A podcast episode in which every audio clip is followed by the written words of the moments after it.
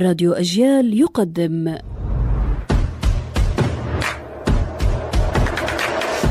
أصل الكلام عارف حجاوي الإنتربول هو الشرطة الدولية. inter من international أي عالمي و pol من بوليس.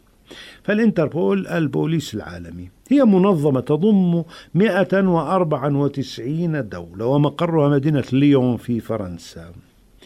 تستطيع الانتربول أن تلاحق فعلا المجرمين الهاربين لكنها إن كانت مؤنث أو لكنه إن كان مذكر تحتاج أولا إلى بيانات واضحة من الشرطة المحلية باختصار الذين سرقوا الملايين من أموال الشعب وهربوا.